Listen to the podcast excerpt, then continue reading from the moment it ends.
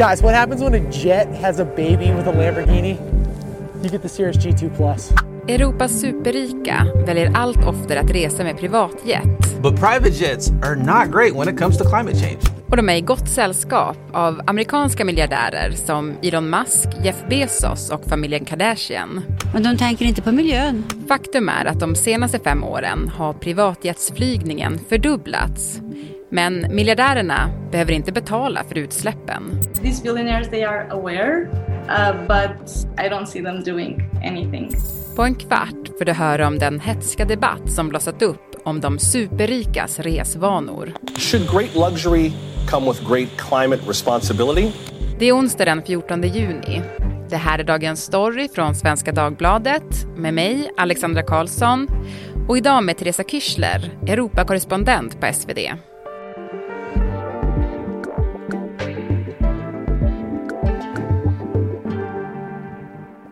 Du, Teresa, jag tänkte att vi skulle börja avsnittet med att lyssna på en man som du lyssnar ofta på och det är Europeiska rådets ordförande Charles Michel. Och vi ska lyssna på vad han sa på det senaste klimattoppmötet. Excellence, mesdames et messieurs, nous avons un revolver climatique sur notre tempe.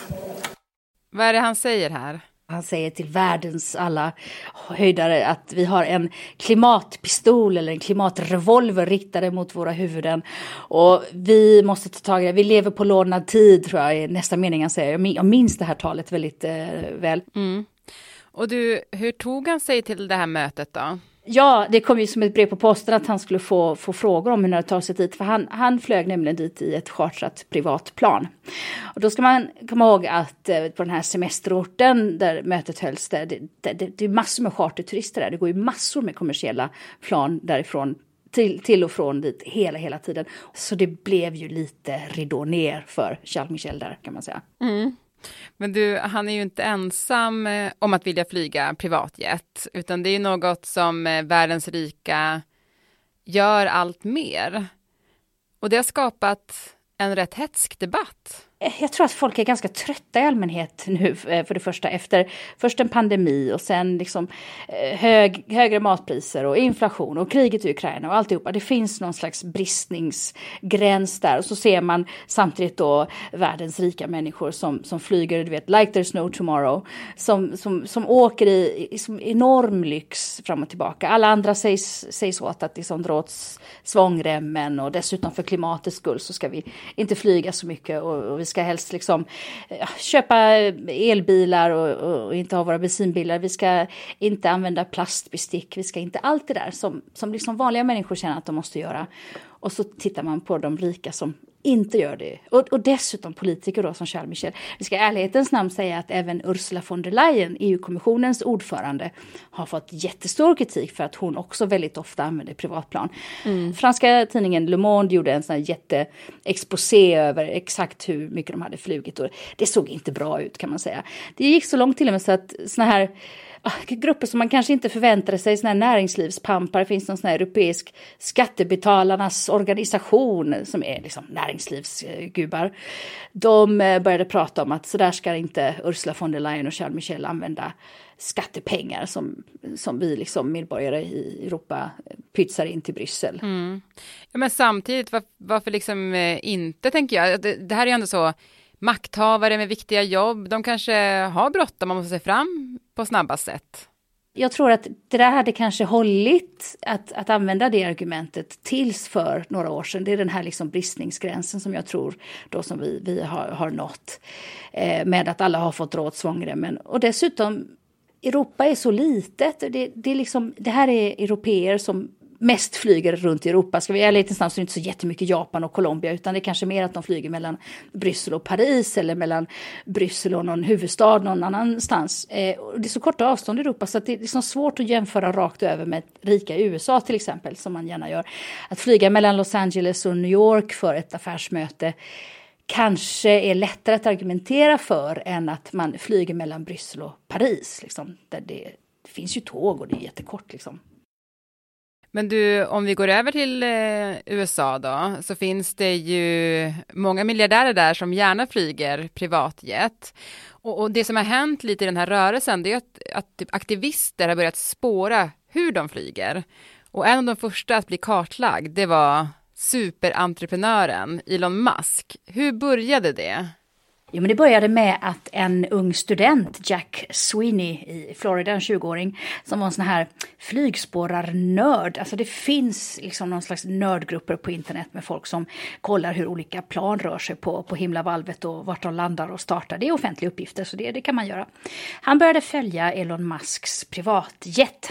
Han började också följa Bill Gates och Jeff Bezos och Mark Zuckerbergs eh, olika flygplan för att se vart de flyger. Och så la han upp på Twitter Twitter i realtid hur de flyger. Och eh, vad gäller Elon Musk så kunde man se då att han rörde sig från kanske sitt hem till någon eh, Tesla eh, anläggning någonstans. Och det var väldigt korta flygplan så man kunde liksom se att han tog ett privatplan för att flyga ja, men några få minuter bara kanske i luften. Mm. Och så la han ut det på Twitter och så blev det jättedebatt och Elon Musk blev eh, förbannad och sa att det här är en säkerhetsfråga om folk liksom ska veta var jag är överallt. Och han erbjöd den här Jack Sweeney, 20-åringen, 5000 dollar för att stänga ner sitt eh, Twitterkonto.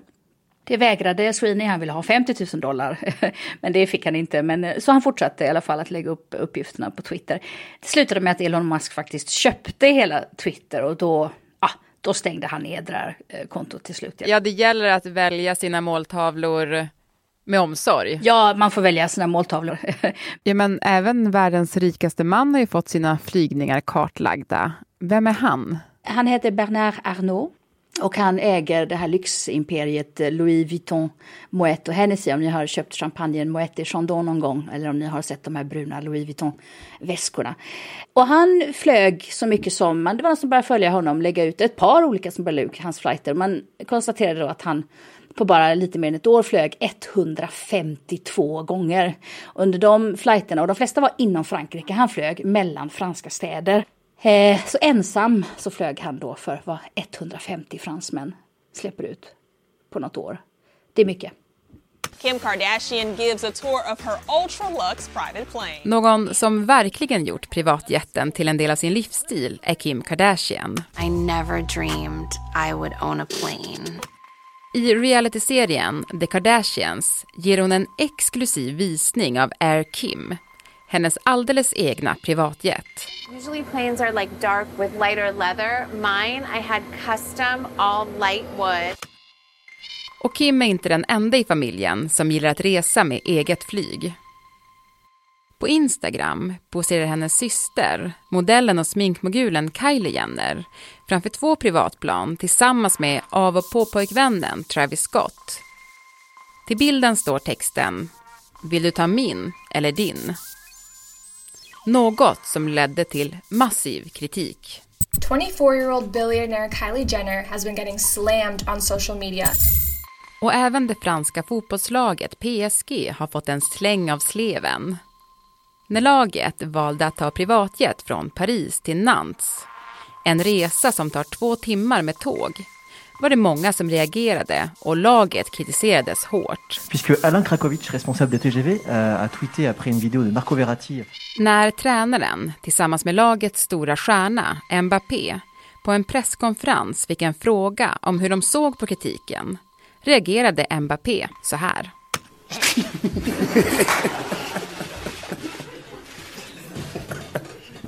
Excusez-moi.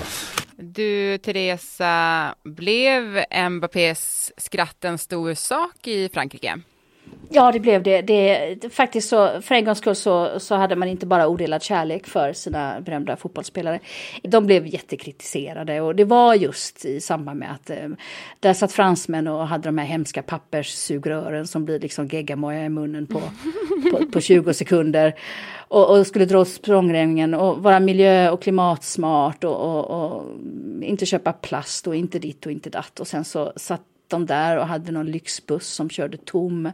Som bara var någon slags charadbuss, liksom någon slags teaterbuss för att liksom framstå som folkliga på något sätt. Det gick, det gick inte alls hem och då startade en rasande debatt i Frankrike om de här privatplanen. Och det är inte en slump att Frankrike är ett av de länder där regeringen driver hårt på att alltså privatplan måste börja regleras. Folk kan inte hålla på och flyga kors och tvärs eh, helt utan eh, liksom regleringar och vad det kan vara vi har pratat en hel del om Frankrike nu, eh, men hur ser det ut i resten av Europa då?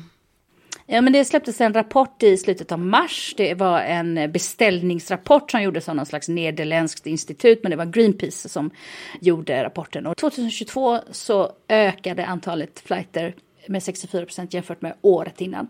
Förra året så gjorde, gjordes över en halv miljon privatplansresor. Då pratar vi inte om sådana här små hobbyplan, sådana här små Cessna, tvåsitsiga, trevliga. Nej, nej, vi, vi pratar alltså jetplan som ja, och på sträckor som det allra oftast finns, finns liksom kommersiella plan att, att, att ta. Men hur ser det ut här i Sverige då? Det är superintressant för att även i Sverige så har privatplanen ökat jättemycket. Det har i stort sett alltså mer än tredubblats mellan åren 2020 och 2022.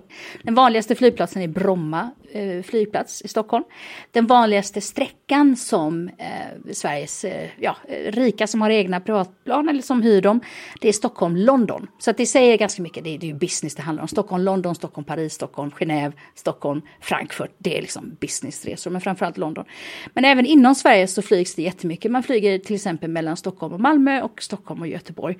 Bara förra året så, var det någon, så flögs det 300 flighter mellan Stockholm och Malmö och 225 flighter mellan Stockholm och Göteborg.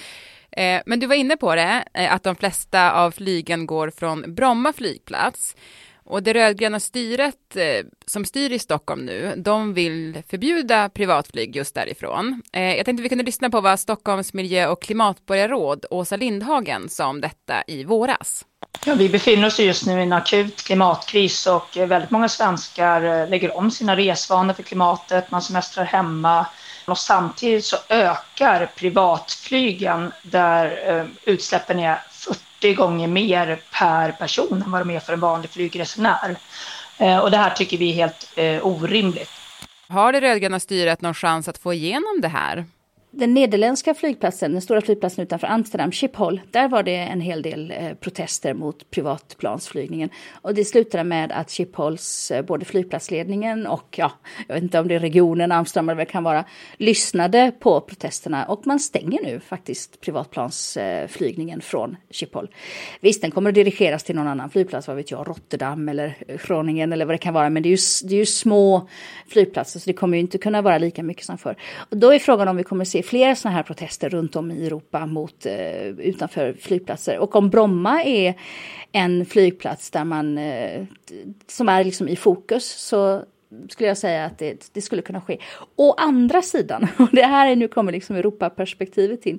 Sverige är ett av de få länder i Europa faktiskt som eh, skulle ganska trovärdigt kunna argumentera för att det ska finnas en möjlighet att snabbt kunna eh, ta sig till Sverige med ett plan som kanske inte finns liksom en, en rutt som är kommersiellt inbokad redan.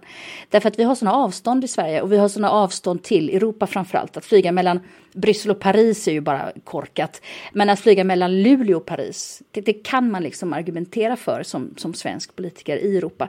På samma sätt som en, en liksom man kan argumentera som Malta till exempel, ett av de länder i Europa som säger att wait a minute, vi är mitt ute i Atlanten, vi har en enda flygplats som är pytteliten det kan hända att vi måste, folk måste kunna ta sig till oss eh, liksom oväntat eller oprogrammerat på de stora flygbolagens eh, schema. Så vi måste ha en möjlighet kvar att ha en fungerande privatflygsindustri. Mm. Men du, en annan sak som, som ju kanske sticker i ögonen lite grann med det här, det är ju att eh, liksom kommersiella flygbolag, som till exempel SAS, de betalar ju för att kompensera sina utsläpp. Men de här miljardärerna som flyger privatjet, de gör inte det. Varför? Alltså flygbranschen är extremt omhuldad överhuvudtaget måste man säga, både kommersiella och andra. Så att säga. Vi, vi vet ju att vi till exempel eh, bailade ut eller hjälpte de nationella flygbolagen med enorma pengar under pandemin, alltså statliga bidrag som annars är liksom helt tabu med statliga bidrag. Flygbolagen betalar heller inte bränsleskatt.